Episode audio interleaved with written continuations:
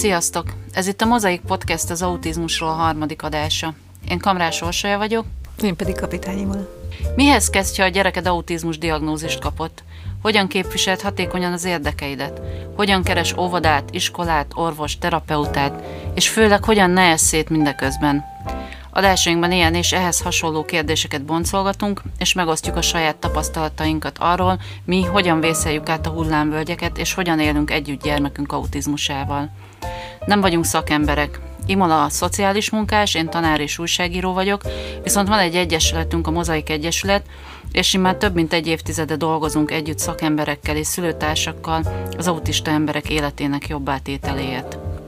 A korábbi adásainkban beszéltünk arról, hogyan dolgozható fel, ha a gyerekünk autizmus diagnózist kapott, illetve foglalkoztunk azzal, hogy a diagnózis készhezvételét követően mik a legfontosabb tennivalók. Ebben a mostani adásban arról lesz szó, hogyan lehet érdekérvényesítés, mégpedig hogyan lehetséges a hatékony érdekérvényesítés a hétköznapokban. És mivel ezzel elsősorban Imolának vannak fontos tapasztalatai, ezért könnyen lehet, hogy ma ő fog többet beszélni. De először is szerintem tisztázzuk a fogalmakat, hogy mit értünk érdekérvényesítés alatt, önérvényesítés alatt, érdekvédelem alatt. Kicsit uh-huh. rakjunk rendet. Igen. Ez azért volt ilyen döcögős, mert hogy érdekérvényesítést, mint olyat én nem is írtam föl a táblánkra. De fölírtam egy pár fogalmat, amit szerintem érdemes tisztázni, hogyha ha erről gondolkodunk. Ugye első lépésként az önérvényesítés az, amiről talán érdemes beszélnünk, ez az, amikor én magamnak elintézek valamit, nagyon kompetensen, ügyesen, ismerve vonatkozó jogszabályokat, profin kommunikálva, elintézem, hogy mondjuk a gyerekemnek megfelelő iskolája legyen, ott az előírt fejlesztéseket megkapja, és a szülők is szeressék egymást. Ez egy sima önérvényesítési folyamat, nem könnyű és nem egyszerű kicsit se és nagyon sok tényező kell ahhoz, hogy működjön, például a szerencse is. De aztán ennél egy kicsit nagyobb lépés szerintem az érdekvédelem, amikor már nem csak saját magamért futok, hanem másokért is tehát amikor érdekvédelemről beszélünk, akkor már valami fajta szervezett tevékenységről beszélünk, tehát nagyon ritkán véd érdeket valaki egyedül, általában ennek van egy valamilyen szervezett formája, ami nem feltétlen kell, hogy jogi személyiség legyen, tehát lehet az, hogy összefog négy anyuka, mert nekik az kell, hogy nem tudom, legyen gyógypedagógus az iskolába, és addig megy, amíg nem lesz gyógypedagógus az iskolában, ez már egyfajta ilyen érdekvédelmi tevékenység, és az is fontos, hogy szerintem a jó önérvényesítőkből lesznek a legjobb érdekvédők idővel, és behúztam ide egy harmadik fogalmat, ami lehet, hogy elsőre nem tűnik ide tartozónak, de nagyon az, ez pedig a szemléletformálás, vagy más néven érzékenyítés, ami arról szól, hogy a környezetünk rájön, hogy van itt egy autista gyereket nevelő család, és ők se ufók, és boldogan élnek, amíg meg nem halnak optimális esetben. És ez azért fontos szerintem, mert hogy vannak, mindenki ismeri az érzékenyítő programokat, talán ezek a kék séták, meg kékre világítások, meg kék nem tudom micsodák, amik borzasztóan fontosak és nagyon hasznosak, de én nagyon mélyen hiszek abba, hogy a, a legfontosabb érzékenyítő munkát azok a családok végzik, akik integrálódnak a társadalomban. Tehát, hogy akik tényleg elmennek a boltba az autista gyerekükkel, bevállalják, hogy mit tudom én, képkártyákat használnak, megmutatják magukat teljes valójukban, a nehézségeiket, az örömeiket. Ennél értékesebb szemléletformáló munkát én nehezen tudok el, elképzelni. Szóval ezek a fogalmak, amik mentén mhm. gondolkodni tudunk önérvényesítésről, érdekvédelemről és minden kapcsolódó témáról. Szerinted mi kell ahhoz, hogy ez hatékonyan működjön? Hogy, hogy boldoguljunk a hétköznapokban? Hogyan lehet ezt jól csinálni? Úgyhogy mindenkinek jó legyen. Hát alapvetően én azt gondolom, de majd a te véleményed is tök Persze. fontos, hogy beszélj is, légy szíves, hogy, hogy itt is az alap az, hogy biztosan álljak abban, hogy a gyerekemnek autizmusa van. Nagyon sokszor jön szembe az például, hogy azt mondja az anyuka, hogy nem szeretnénk bevállalni a diagnózis, de kéne fejlesztés. Na, ez így nem megy. Tehát, hogy bocs, de nem megy, mert hogy ahhoz, hogy fejlesztést kapjon a gyereked, ahhoz jogi tehát a megfelelő módon igazolni kell azt, hogy neki autizmusa van. Ez most egy ilyen hirtelen példa volt én médiás mm. részkezdéssel, de szerintem eléggé szemléletes. Nagyon sok minden kell ahhoz, szerencsé is kell hozzá, hogy mindent jól csinál, jó kapcsolatrendszer is kell hát hozzá, megfelelő kommunikáció, de van azért egy pár ilyen kis bombon, amit így érdemes fejben tartani. A jogos képzésen erről egyébként a Mozaik Egyesület jogos önvédelem képzésen erről egy napot beszélünk, úgyhogy most, most igyekszem mm. kevesebbet beszélni, mint egy napot. Első lépés az, hogy érdemes tájékozódni azzal kapcsolatban, amit intézni szeretnénk. és akkor itt érdemes arról beszélgetni, hogy mik a hiteles források, és mm. mik a nem hiteles források, mert tudjuk, hogy információ az annyi ömlik ránk, hogy csak győzzük kapkodni a fejünket, ugyanakkor nem minden igaz, amit hallunk. Ez egy régebbi példa, még az ahhozban dolgoztam, amikor egymás után három anyuka hívott fel azzal, hogy fú, megvonják az autista gyereket nevelő szülőktől az emelt családi pótlékot. És én kapkodtam a fejemet, hogy jó, de ki mondta meg, hogy, meg hol. Hát mondták a rádióban. Uh-huh. És akkor a harmadik vagy a negyedik anyukánál derült ki, hogy a klubrádió csinált valakivel egy interjút, aki nem pont ezt mondta, csak szóba került, hogy ez is előfordulhat. És akkor így érezzük, hogy egy csomóan uh, ráizgultak, megjettek, kapkodtak, miközben nem volt valós alapja ennek a riadalomnak. Hiteles ez akkor lett volna, hogyha kijön egy olyan jogszabály, vagy a közlönyben megjelenik, hogy megvonják az autista gyereket nevelő szülőktől az emelt családi pótlékot.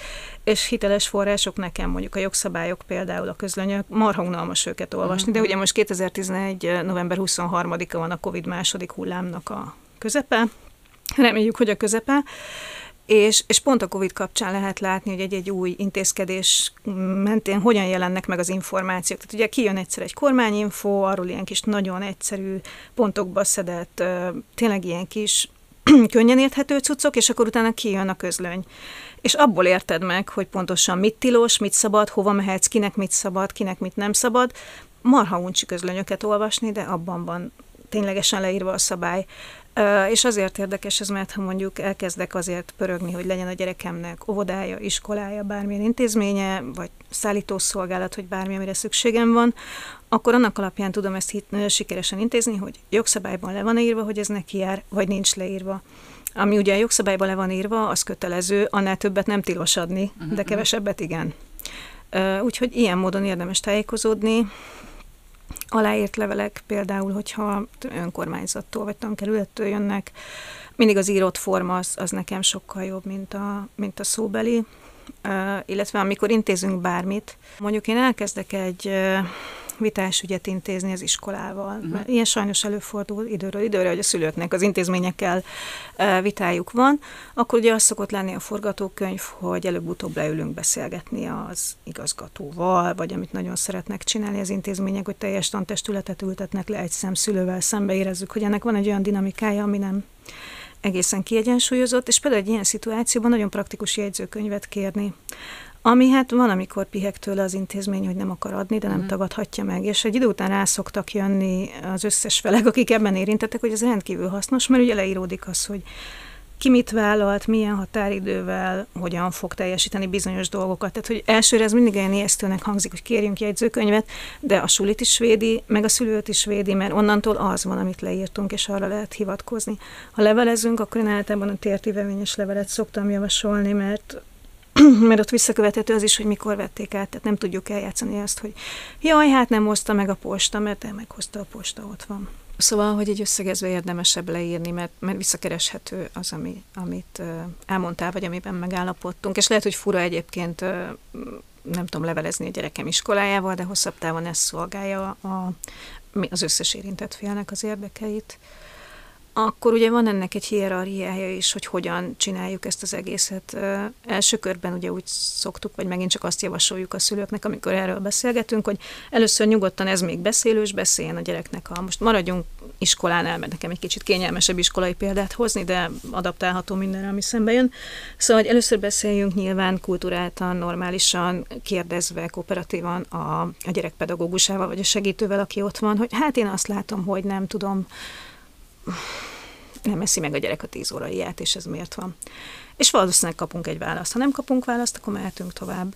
Uh, utána érdemes ugye már írásban az intézményvezetőhöz fordulni, ha ott sem tudjuk megoldani a problémát, akkor a fenntartóhoz fordulni, és ha ezen a nagy körön keresztül sem sikerül eredményt elérnünk, azért fenntartóig nem szoktunk elmenni nem megevett szendvicsekkel, de vannak olyan mm. szituációk, amikor kénytelenek vagyunk, és hogyha ott se sikerül, akkor általában már azért jogászkodni kezdünk valahol, valamilyen úton, módon. Azért fontos ez a hierarchia, mert bárkit kihagysz, egyrészt megsérted vele, ami nyilván nem esik jól neki, hiszen ő is a gyerek körül tevékenykedő szakember, másrészt meg teljesen fölösleges nagyobb körben intézkedni, mint ahogy kell, mert minél közelebb vagyok a problémához, annál könnyebb szerintem uh-huh. az elintézése. Akkor, ami érdekes még ebben, ahogyanban, az, hogy hogyan kommunikálunk. Hát, hogy, hogy nagyon sok szülő érzi úgy, hogy ő, ő egy anyatigris, és neki mindent szabad. Hát nem. Bocsánat, tehát erre ez a rövid válasz, hogy nem.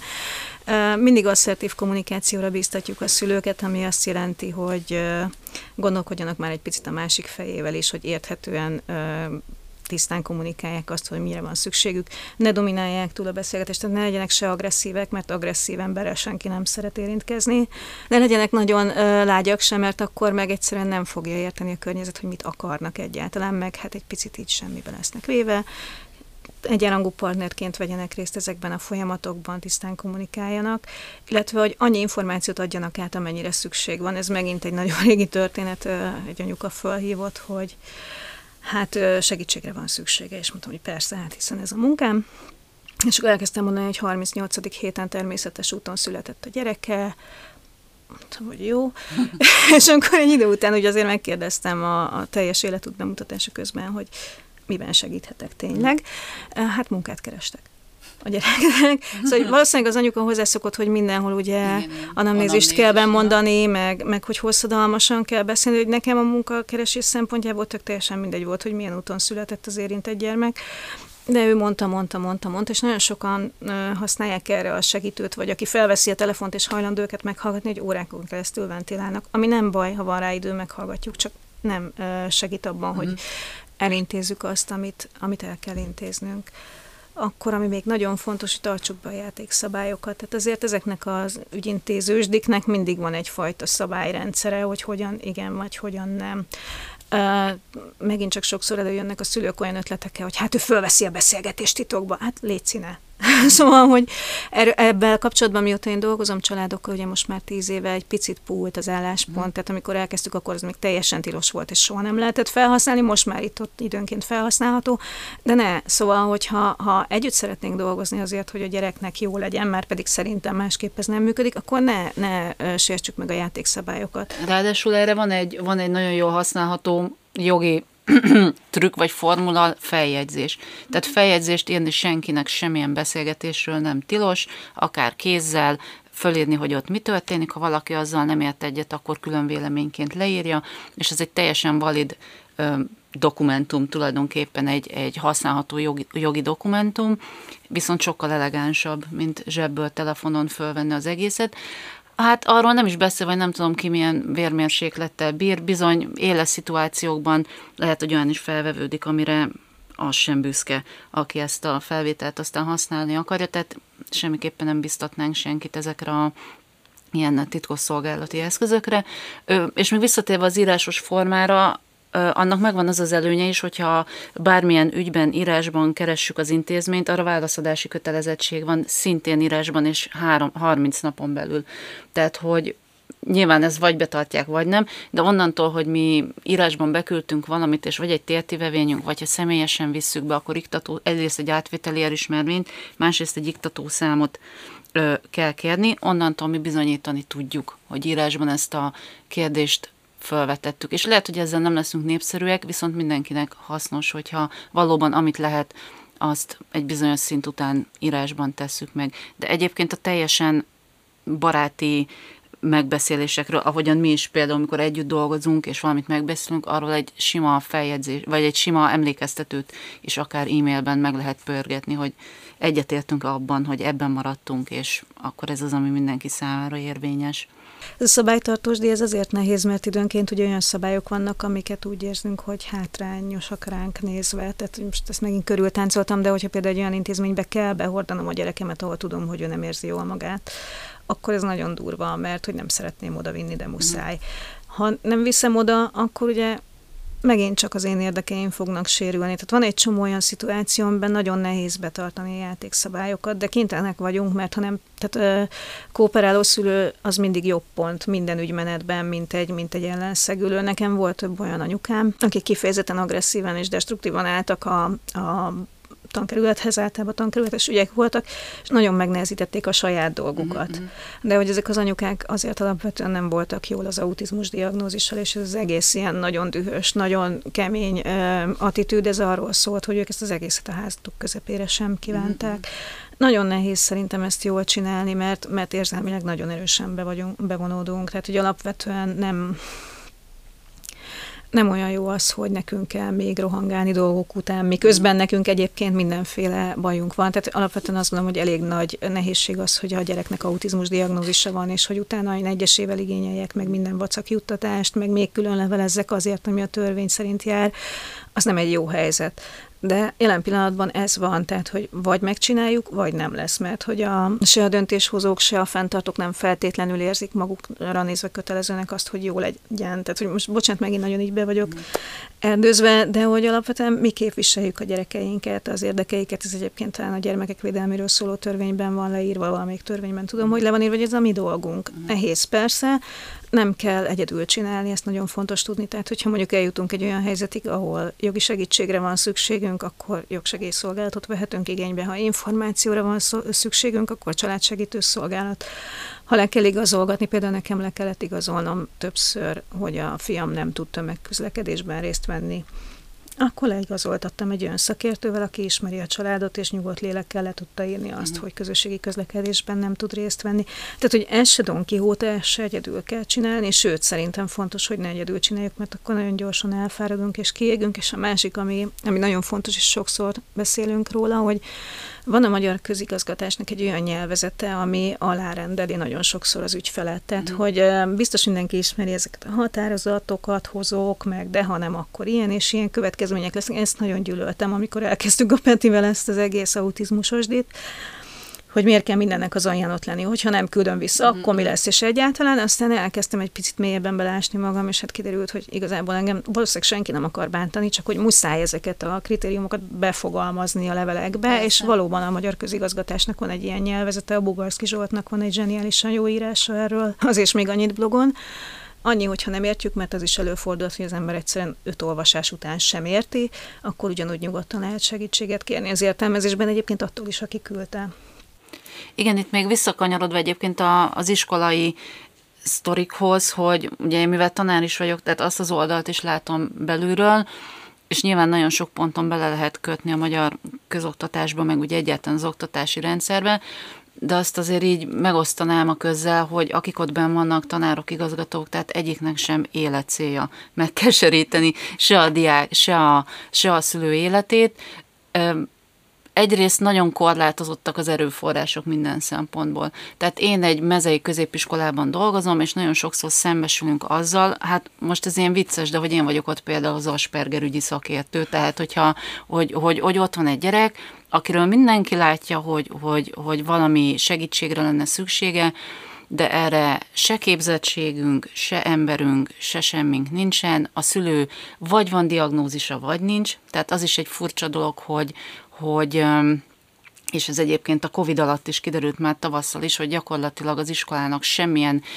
jogköre nincs abban, hogy bármit számon kérjen a szülőtől, tehát, na mindegy, ez megint messzire vezetne. Tehát, hogy azt is azért látni kell, hogy akik az intézményben ülnek, azok nem éreznek kélyes örömet akkor, amikor ilyen, ilyen akár megbeszéléseken, akár egy kicsit elvadultabb helyzetben mondjuk egy tárgyalásnak nevezhető, akármin vesznek részt. Ez egy, ez egy sok szereplős és nagyon sok oldalról nehezített történet. Tehát akkor, amikor egy utazó pszichológus jut mondjuk egy kerület összes iskolájára, akkor elvárni egy többségi iskolától azt, hogy, hogy tényleg szakmailag a legpöpecebb ellátást nyújtsa egy gyereknek, akinek egyébként elvileg nincs is mondjuk diagnózis autizmusról, az azért nem egy, nem egy egyszerű feladat. A másik, amiről még nem beszéltem, hogy az érdekvédelemnek vannak szintjei. Persze. Uh, ugye meg tudjuk csinálni azt helyben, hogyha mondjuk egy szülőcsoport vagyunk, hogy a, a saját környezetünkben végzünk érdekvédelmi munkát, és ez nagyon hasznos, és nagyon fontos, és nagyon jó a mozaiknak a helyi szülőcsoportja, az például ebben szerintem egészen ügyes. Mm. De mi nem fogjuk tudni megváltoztatni az oktatási rendszert, mert nem ez a helye, nem ez a módja. Vannak ugye nagyobb szervezetek, akik régiós szinten gondolkodnak, vagy specializálódnak egy-egy területre, és van az országos érdekvédelem, és ez, amit te mondtál, ez egy borzasztóan összetett dolog, mert ugye ahhoz, hogy, tehát mindannyian tudjuk, hogy mi a helyzet. Uh-huh. Tehát aki autizmusban dolgozik, pontosan tudja, hogy nincsen elég szakember, hogy az integráció nem működik sajnos jól, hogy inkluzióról nem is beszélünk már, a Ezt szakemberek sem, mert, mert nem. De hogy, hogy nagyon furcsa, hogy nem érkezik megfelelő mennyiségű jelzés hivatalos úton ezzel Ezt most kifejezetten a modorra mondtam, hogy, tehát a, hogy be lehet menni a tankerhez asztalt borigatni, meg, meg az igazgatóirodába is be lehet menni asztalt borigatni, de hogy ez semmilyen módon nem elintézési útja semmilyen dolognak. Igen, csak én meg azt gondolom, hogy be is kell menni. Be, persze. Tehát, persze. hogy nem azt borogatni. Mindig van egy olyan tévedés, hogy ezt, ezt az egész önérvényesítést, érdekvédelmet mindenki egy ilyen nyertes-vesztes szitunak képzeli el. Én meg azt gondolom, hogy win-win játszmának kéne lennie. Tehát, hogy mindenkinek győznie kéne, de ez össze kéne dolgozni. Még a pedagógus meg a szülő szemben áll egymással, és nem egymás mellett megy ugyanazért, addig bajban vagyunk. Uh-huh. Tehát az, az egy teljesen elvont ötlet, hogy én, mit tudom én, most veled veszekedjek azért, mert a fiammal nem tudsz mit csinálni, amikor mind a ketten tudjuk, hogy nincs. Tehát mind a kettőnknek azért kéne kéne menni, hogy legyen megfelelő számú szakember, hogy legyenek eszközök, hogy legyen olyan oktatási forma, ami ezeknek a srácoknak működik, mert jelen pillanatban szerintem nem feltétlenül van mindenkinek, de hogy ez ott kezdődik, hogy a szülők egyesével akár jelzést tesznek ezzel kapcsolatban, és ugye jelzést hivatalosan írásban, tehát nem a Facebookon ventiláljuk ki, hogy a gyerekem tanárja egy fekete fenekű gonosztevő, mert nem olvasta el a könyvet, amit vittem neki, mert önző módon a családjával Arra nem lenni. is beszélve, hogy jogi felelősséggel tartozunk ah, azért is, hogy ilyesmit teszünk egyébként hanem, néven a Facebookon hanem, hanem tényleg elkezdünk, és akkor ez így visszakapcsolódik a hogyanhoz szervezetten összedolgozni. Tehát, hogyha egy iskolában van mondjuk most perhas mondom öt aspergeres gyerek, és ennek az öt aspergeres gyereknek nincsen megfelelő ellátás, akkor igenis az öt szülő jelenjen meg a tankerületnél ezzel az igényel, mert a tankerületnek viszont kötelezettségei vannak ezekkel a gyerekekkel kapcsolatban. Amíg nincsen, hogy mondjam, nyomás azzal kapcsolatban, hogy ezeket a kötelezettségeket mm. teljesítse, addig nem fog megszakadni, mert van 6000 más problémája, mert nem csak az autista gyerekekkel dolgozik, hanem az összes többi más problémás, meg egyébként a normál fejlődésmentű gyerekekkel is tudjuk, általános pedagógus hiány is van, nem csak gyógypedagógus hiány. Nem tudom, mennyire érthető, amit mondani szeretnék, tehát hogy ez alulról megy fölfelé, és az országos érdekvédelem is akkor tud jól dolgozni, ha van muníciója. Igen, csak itt bejönnek azok a dolgok, amit én magamban csak ilyen posztkádári reflexben, reflexnek hívok, hogy az ember nagyon harcos, hogyha a saját gyerekéről van szó, de hogy most érted, a pupom se kíván más gyerekéért harcolni. Ha én meg tudom oldani okosba, és nem tudom, az ismerősöm ismerősének az ismerőse ott ül abban az irodában, és ezt három telefonnal el tudom intézni, akkor nem biztos, hogy sokan veszik a fáradtságot. Hál' Istennek egyre többen. De hogy sajnos egy olyan kultúrában, vagy rendszerben, vagy nevezzük, aminek akarjuk, élünk, ami bizony kedvez ezeknek a, hát nagyon finoman nevezzük informális megoldásoknak a, a kivitelezésében, és ez nem jó. De, de nagyon nehéz és, és most nem felmenteni akarok senkit, mert én is azt mondom, hogy az, az, az a jó út, amit te mondasz. Csak amikor, amikor ezt kívánatosnak látjuk, akkor megint ott vannak, ott vannak a, azok a valós magyar viszonyok, hogy vagyunk mi a remekül iskolázott és nagyon járatos és high-end autista gyereket nevelő szülők, meg ott van a magyar valóság, mondjuk egy faluban, ahol mindenki mindenkinek a mindenkie, és szóval ezek egyáltalán nem egyszerű dolgok, de ez nem jelenti azt, hogy, hogy nem, ne kellene ezért harcolni, sőt, ezt a podcastet is azért csináljuk, nagyon nagy százalékban, hogy, hogy minél inkább előre lépjünk ezen az úton, és pont ezeket a posztkádári, összekacsintós, mutyizós, korumpálós utakat cseréljük fel hatékony utakkal. Én ezért szeretem, ha jó gyakorlatokat látunk. Tehát azért vannak, kevés, de van olyan intézmény, ami meg tudja oldani, vannak olyan szülői összefogások, amik, talán beszéltünk már valamelyik előző adásban arról, hogy a legtöbb jó autizmus ellátás valamilyen szülői kezdeményezés Igen. kapcsán alakult ki. Igen, valóban van az emberekben egy ilyen beidegződés, hogy inkább nem csinálom, inkább ne legyen baj. Van, amikor így már mondja az anyuka, hogy, hogy ő nem akar jelezni, mert abból baj lesz, és nézem, hogy otthon ülsz ápolásén, a négy fal között beszorítva a kanyivas nélkül, mi baj lehet még? Tehát, hogy még mit tudnak tőled elvenni a munkádat, az életedet, még mit, de tényleg nagyon mélyen ott van az emberekben az, hogy ja, inkább ne legyen baj, inkább elfogadom, inkább hazahozom, inkább nem tudom.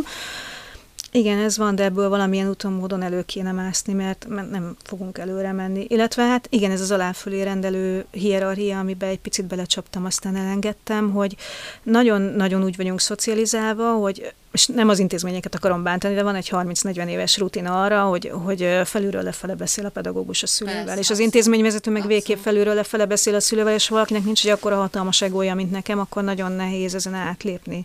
Velem is megpróbálták megcsinálni, nem egyszer, nem kétszer, hogy anyuka az van, hogy akkor ugye kértem, hogy legyenek szívesek leírni, sose írták le, mert nem írhatják le, mert butaságot mondtak. Nem tudom, te hogy vagy.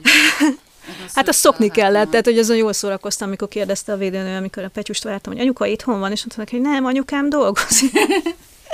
Tehát, hogy igen, megszokjuk az anyukát, meg megszokjuk azt, hogy, hogy bármi probléma van, az nem a közös probléma, hanem az a mi problémánk, de hogy alapvetően ennek nem kell így lennie. Tehát, hogyha ha azt mondjuk, hogy együtt dolgozunk az intézménnyel a gyereknek a jól létért, akkor nem is értem, hogy hogy, hogy tudunk másképp gondolkodni, mint közösen, ahol ez működik, ott nagyon jól működik. És, és tényleg kiemelném azt, hogy nem alá fölé rendelő, hanem mellé rendelő viszonyról kéne beszélgetnünk. És akkor, ha mellé rendelő viszonyról beszélgetünk, akkor viszont mindjárt nem olyan kínos az, hogy én jelzek egy problémát. Az, hogy hogyan jelzem a problémát, az mondjuk nagyon nem mindegy, és akkor visszatalálunk oda, hogy nem agresszíven, nem konokul, nem csúnyán.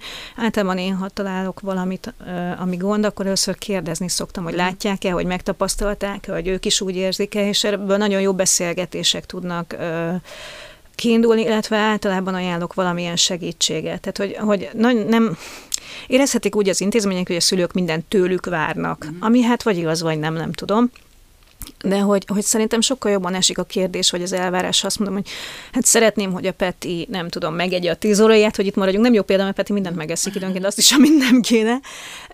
De látom, hogy mindig visszakapom a szalámist, hasznosnak érzitek-e, ha inkább sajtosat csomagolok. És akkor érzed, hogy nem egy, nem egy elvárás van megfogalmazva, hogy nem eszi meg és oldjátok meg, hanem hogy én is beleteszem magam abba, hogy mhm. megoldjuk ezt a problémát.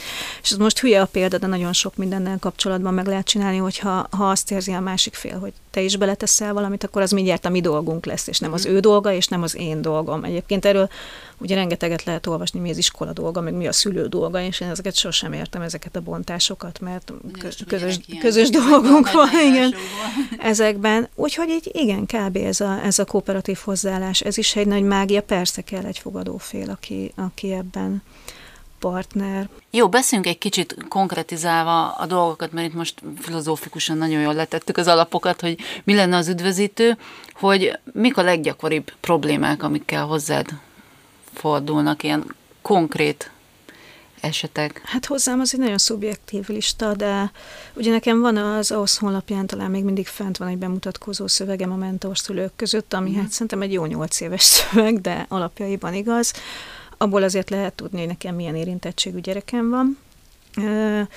Ami a legmarkánsabb, az az oktatás. Tehát még mhm. mindig nézem, hogy a Mozaik Info, Infocentrumának a 70-80 százalék, most nem akarok butaságot mondani, autizmus napokon lesz szoktuk vetíteni a bontást, ö, oktatással kapcsolatos mm. kérdés. Nagyon sok az intézménykereséssel kapcsolatos kérdés, hol fogadják a gyereket, mondjak jó iskolát, amivel mindig az a baj, hogy én a rossz iskolákat ismerem, mert hogy engem nem akkor hívnak föl a családok, amikor szép az élet, hanem akkor, amikor mm-hmm. nekik valamilyen problémájuk van. Meg az intézménykeresésnek a hogyanjáról is sokszor szoktunk beszélgetni, mi kötelező, mi nem kötelező, minek kell benne lenni a szakértői véleményben, stb. stb mindenféle sérelmekkel, hiányokkal megtalálnak, tehát hogyha úgy érzi, hogy a gyerek nem kap fejlesztést. De ezek ilyen nagyon buta dolgok tudnak lenni. Tehát az a baj, hogy sokszor akkor jut el hozzám a szülő, amikor már teljesen elmérgesedett a helyzet, és már tényleg, ha a pedagógus csúnyán nézett már akkor is, és én azt már nem értem. Tehát, hogy az, hogy hogy jutunk el idáig egy pedagógussal, és utána ebből még mit akarunk kihozni, az már nekem is nehéz. Egy ilyen folyamatot nagyon szorosan kellene követni ahhoz, hogy ebből még bármi hasznos kihozható legyen. Ha vannak ilyen sérelmek, meg hiányok, akkor ezekről lehet beszélgetni. Viszonylag jól ismerem a jogszabályi hátteret, bár iszonyatosan változik, ezt fontos elmondani, mm. hogy, hogy az összes információforrás folyamatosan mozog, mint egy ilyen kis, nem tudom, áttűnő képecske. Nagyon sokat kérdeznek juttatásokról, mit lehet igényelni. Ez a kedvenc kérdésem, a mi jár nekem. Tudjuk? Lorel, vagy Igen. de hogy ott az szokott egy picit megcsúszni, hogy ahol, tehát nagyon sok minden jár nekünk, de igényelni kell. És akkor ezen lehet polemizálni, hogy mennyire felhasználóbarát az, hogy hogyan igénylünk juttatásokat, meg sugom szerintem semennyire. Mm. Nagyon sok adminisztrációval jár, bár egyébként egyszerűsödött a helyzet az elmúlt tíz évben, nem nyolc fele kell levelezni, csak mondjuk hét fele vagy öt fele. Mm, de sokat kérdeznek, és ezek ilyen praktikus információk, tehát ezeket el tudom mondani, információforrásokat tudok adni, és akkor a szülő meg tudja igényelni mindezt, amire neki szüksége van. Terápiákkal kapcsolatban nagyon sok kérdés jön, ott egyértelműen a saját tapasztalataimból dolgozom, tehát ahogy ugye a bevezetőben is említed, én nem vagyok se gyógypedagógus, se pszichiáter, se senki, Viszont ugye van egy jó tapasztalásom arra, hogy nálunk milyen terápiák váltak be, illetve hogy mi nem, vagy mi az, amit én nem tudok elfogadni. Ez egy picit ingoványos terep, úgy érzem, de én csak arról tudok beszélni, hogy én például nem tudom elfogadni a diétát, mert nem tűnik logikusnak. Ugye erről azt hiszem már beszélgettünk, igen, igen, hogy nálam van egy olyan alap, hogy racionálisan szeretem ezt az egészet végigpörgetni, és ott nem fér bele egy diéta. De pont azért, mert ugye a Peti érintettsége ismert a, a mentorszülői bemutatkozásomban, ban vagy ból. Nagyon sokat kérdeznek a az agresszió, autoagresszió mm. témakörben, ahol hát sajnos markáns tapasztalataim vannak, Igen, és hát nagyon sok mindkettő, tapasztalatom mindketten van. tudunk mesélni. Illetve a, nagyon érdekes, hogy így megtisztelnek a szülők a dilemmáikkal, és a, például a gyógyszeres terápia kapcsán nagyon sokszor beszélgetünk arról, hogy merik, nem merik, hogy merik, miért, én hogy vágtam bele, mi az a pont, ahol. És a másik, ami rendkívül megtisztelő, hogy beavatnak a magánéletükbe, és az ilyen családi ügyek kapcsán kérdeznek. Ugye ezt, ezt biztos meg tudnák beszélni szakemberrel is, főleg szociális munkás terepez, nem annyira gyógypedagógusé, de hogy, hogy egy családot, ugye erről is beszélgetünk, megvisel az autizmus, van, aki a házasságát félti, vagy azt kérdezi, hogy mi hogy tudtunk ugye egész pár maradni, van, aki a tesók miatt aggódik, van, aki a nagyszülők miatt, és van, aki a külvilág reakciói miatt, és akkor ezek nagyon jó kis beszélgetések tudnak lenni, mert ugye én nem tudom megmondani a tutit senkinek, tehát ez nagyon fontos, hogy nekem aztán nincs receptem arra, hogy hogyan legyünk boldogok autista gyerekkel, de nagyon jól lehet együtt gondolkodni azzal, aki segítséget kér, és ez szokott viszonylag működni. Picit fájó pont, hogy kevés visszajelzést kapok, tehát ugye ahogy szépen lassan rendeződik a helyzet, így eltűnnek a családok, és nem Aha. kerülnek elő, csak amikor megint valami gondjuk van. De ugye a helyi programban most már azért egészen sok családot látok így hosszan, és nagyon jó látni, hogy az ő életük hogyan alakul, megváltozik. De ezt mondom, ez egy tök szubjektív lista, és ez az enyém.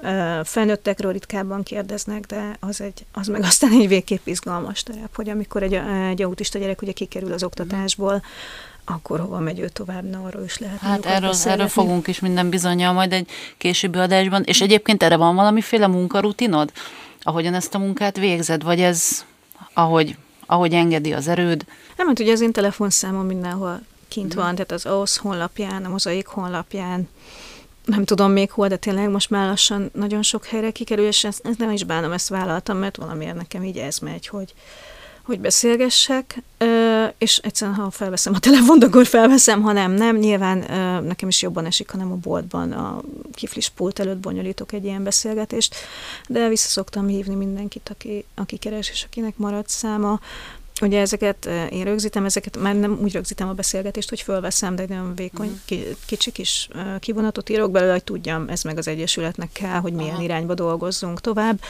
Um, szóval miatt még csak rólam szólna végképp ez a dolog, mert most én is unom magamat egy kicsit.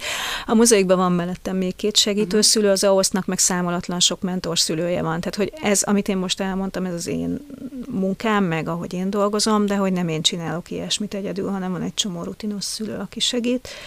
Érdemes őket keresni. Tehát a, csak hogy a, aki esetleg teljesen új ebben a világban, ugye a mentorszülőség az tulajdonképpen azt jelenti, hogy egy nem szakember, de szülőtárs, ha jól értem, a, aki már átment azon, amint te, uh-huh. nem tudom, mert én nem vagyok mentorszülő, én én érzékenyítő pedagógus vagyok, tehát én azt a vonalat Egy érzékeny, érzékenyítő pedagógus. Igen.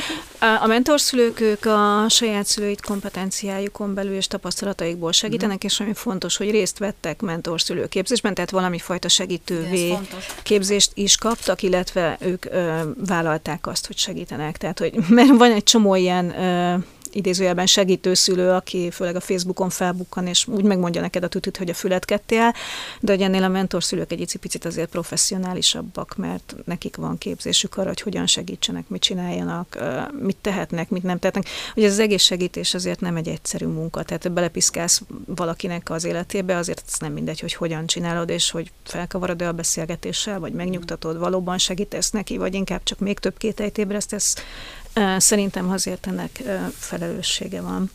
Úgyhogy ők képezve vannak, őket képezték erre, a mozaik mentor szülői, ők pedig, ők pedig valamilyen eleve olyan ö, képesítése rendelkeznek, ami képesíteszi őket a segítésre, tehát felsőfokú végzettséggel.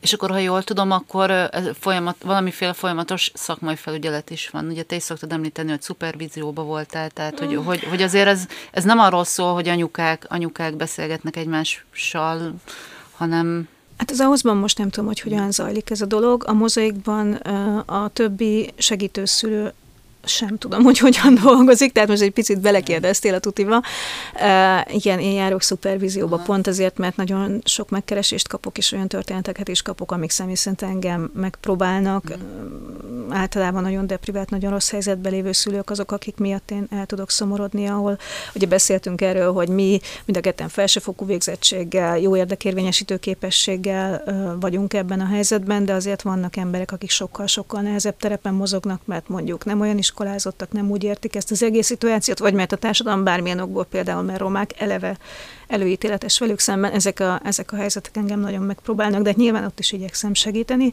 csak ezt azért nem árt utána egy picit egy szakmai segítséggel levezetni.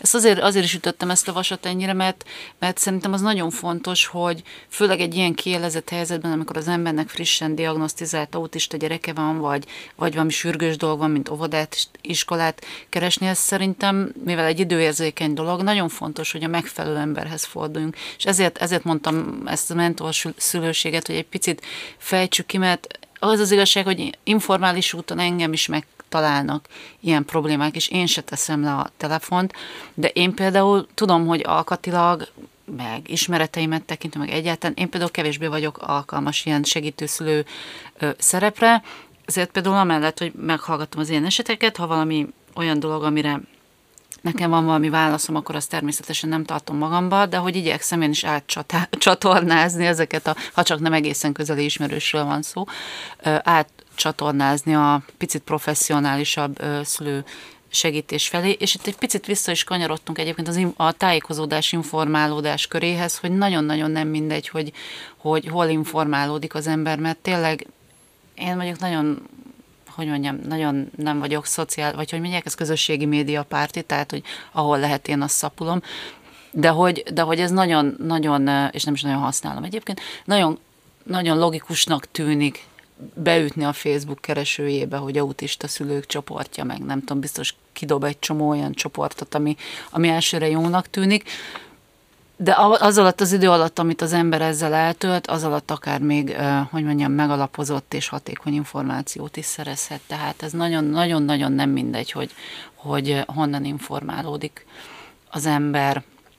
Amiről én még mindenképp szeretnék beszélni ebben az adásban, az az, amit én úgy neveztem el magamban, hogy soft érdekérvényesítés, tehát amikor nem ami hivatali ügyet szervez az ember, vagy intéz az ember, hanem egyszerűen csak a hétköznapi életben szeretne boldogulni, úgy, hogy közben nem akarja senkinek jobban megkeseríteni az életét, mint, mint amennyire feltétlenül muszáj az autizmusból adódóan, hogy erről is beszéljünk egy kicsit, hogy, hogy itt egyrészt hasonlóak a szabályok, de azért nincs egy olyan kötöttség, mint egy ilyen jogi procedúrában. Tehát mondok egy konkrét esetet, a gyerek beteg, valamilyen szakrendelésre kell menni, és uh, szeretnénk, ha nem kellene másfél órát ott eltölteni. Milyen, neked mik a tapasztalataid ezzel kapcsolatban, hogy itt milyen módszerek a célra vezetőek? Konkrét példában én az autista van nálam, és nem félek használni.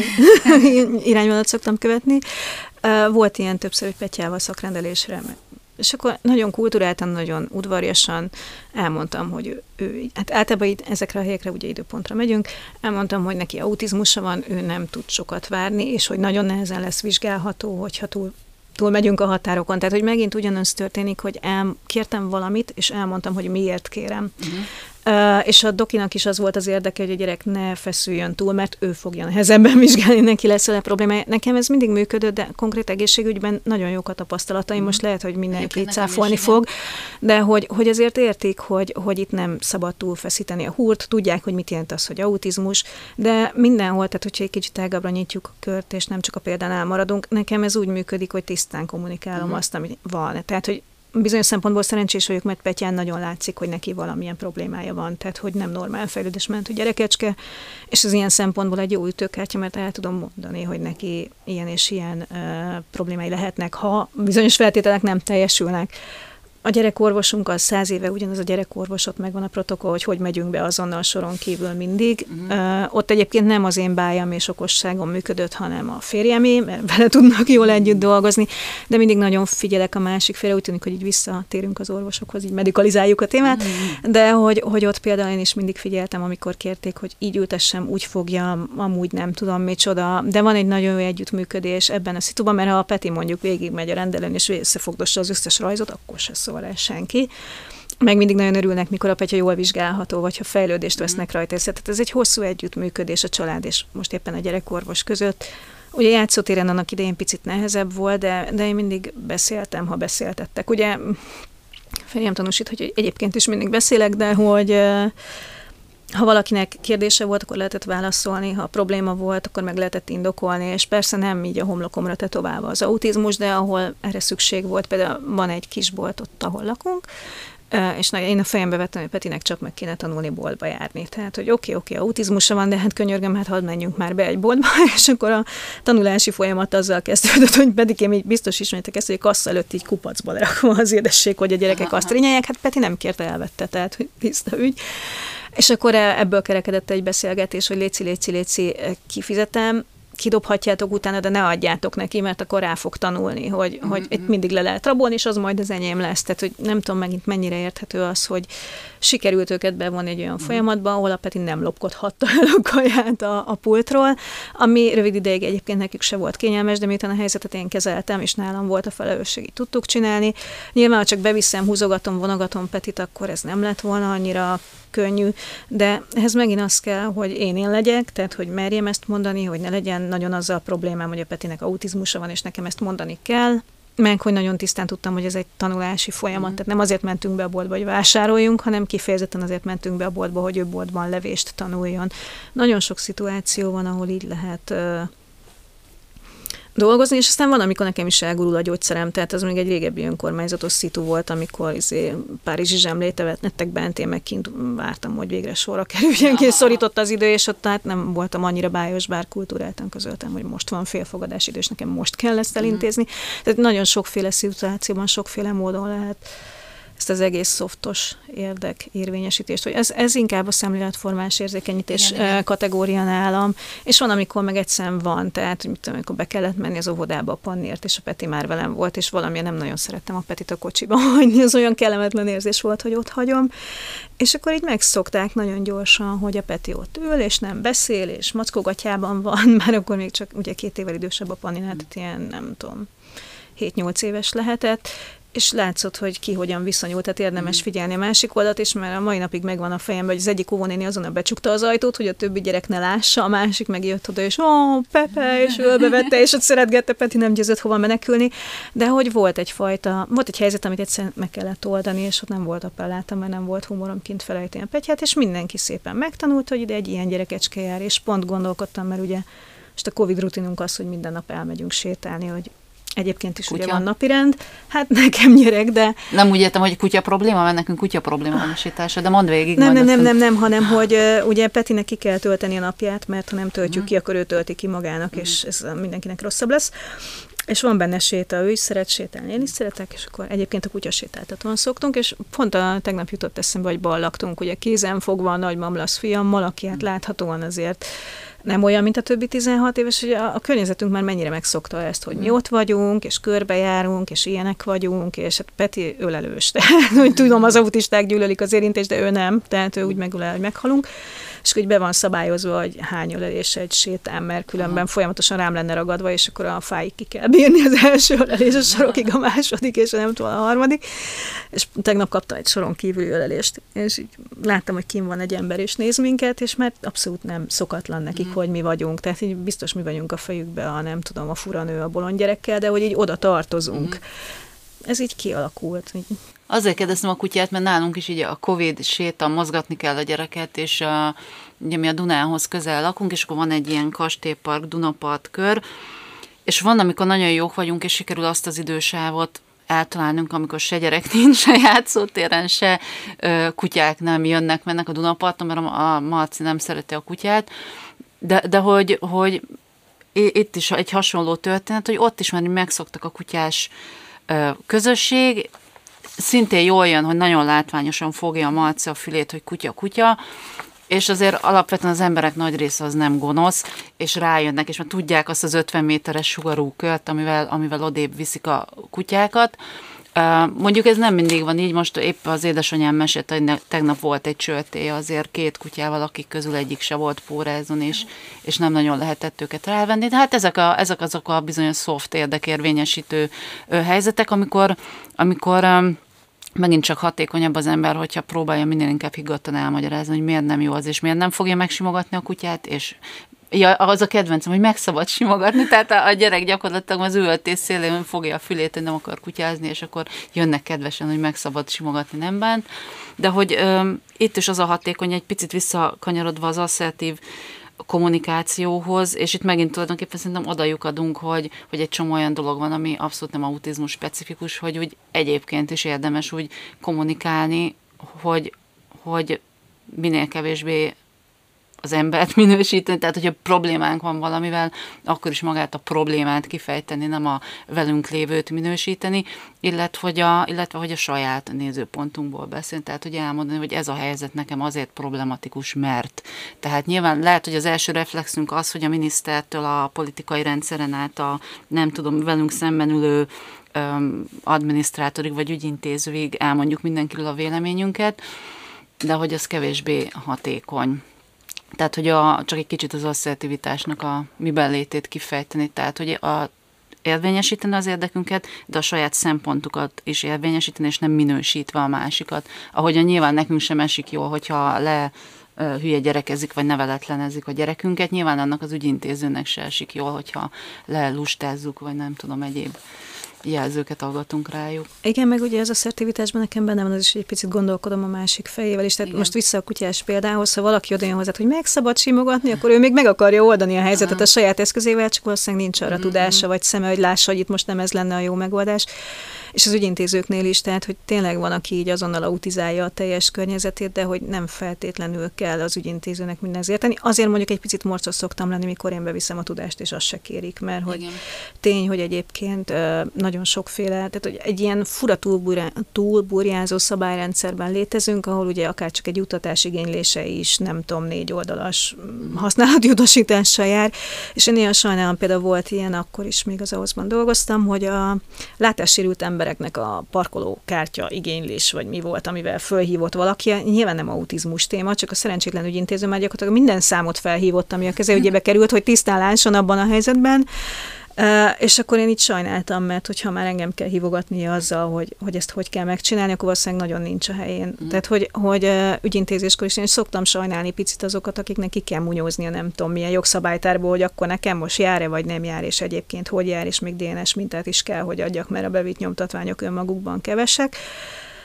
Nem könnyű nekik se, nekem se. Igazából azzal, hogy mondjuk egy sima ügyintézős folyamatnál elég időt szánok rá, beviszem az összes nyomorult nyomtatványt, amire szükség van, inkább több legyen, mint kevesebb, mm.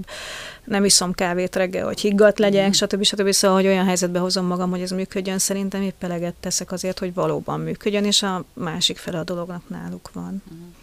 De az is fontos, erről is beszélünk egy korábbi, korábbi adásban, hogy, hogy senki sem születik autizmus szakértőnek, és ha mélyen magunkban nézünk, akkor, akkor én legalábbis azt mondom, hogy ha nekem nem lenne autista gyerekem, akkor valószínűleg én se tudnék róla semmit. Tehát úgy oda menni akármilyen szituációba, hogy hát de nekem autista gyerekem van, hát légy szíves, mm.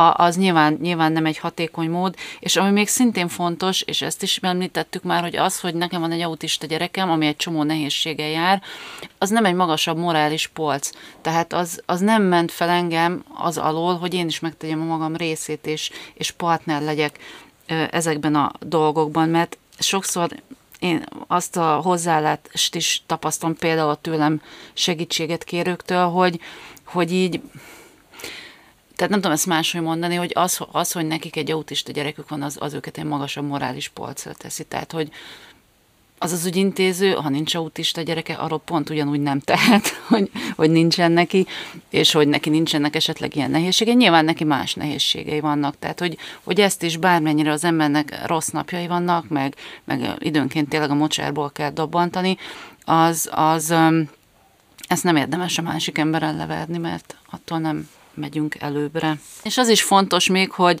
hogy mindannyian azt gondoljuk, hogy a mi gyerekünk az egy csodálatos egyedi hópehely, mert hogy az is, de hogy jó tudni, hogy az összes többi gyerek pont ugyanúgy egyedi hópehely, és az összes többi ember, összes gyereke ugyanolyan egyedi és megismételhetetlen, mint a miénk, és ez önmagában még nem jogosít fel minket semmire. Ez volt a Mozaik Podcast az autizmusról harmadik adása. Az említett források linkjét és egyéb hasznos információkat megtalálhattok a leírásban. Ha kérdésetek, hozzáfűzni valótok van, írjatok üzenetet a Mozaik Egyesület Facebook oldalára, kommenteljetek az adás linkje alá, vagy írjatok a mozaik1 kukac gmail.com címre. A Mozaik Podcast az autizmusról az Emberi Erőforrások Minisztériuma és a Nemzeti Fogyatékosságügyi és Szociálpolitikai Központ közhasznú nonprofit Kft. támogatásával valósul meg a Szülő 2020 pályázat keretében. Köszönjük a helyszínt a Kocka Csokinak! A következő adás témája az lesz, hogy hogyan változtatja meg a hétköznapjainkat az autizmus. Hallgassatok minket továbbra is, és ne felejtjétek, az autizmus nem csak egy diagnózis, hanem egy életre szóló kaland is.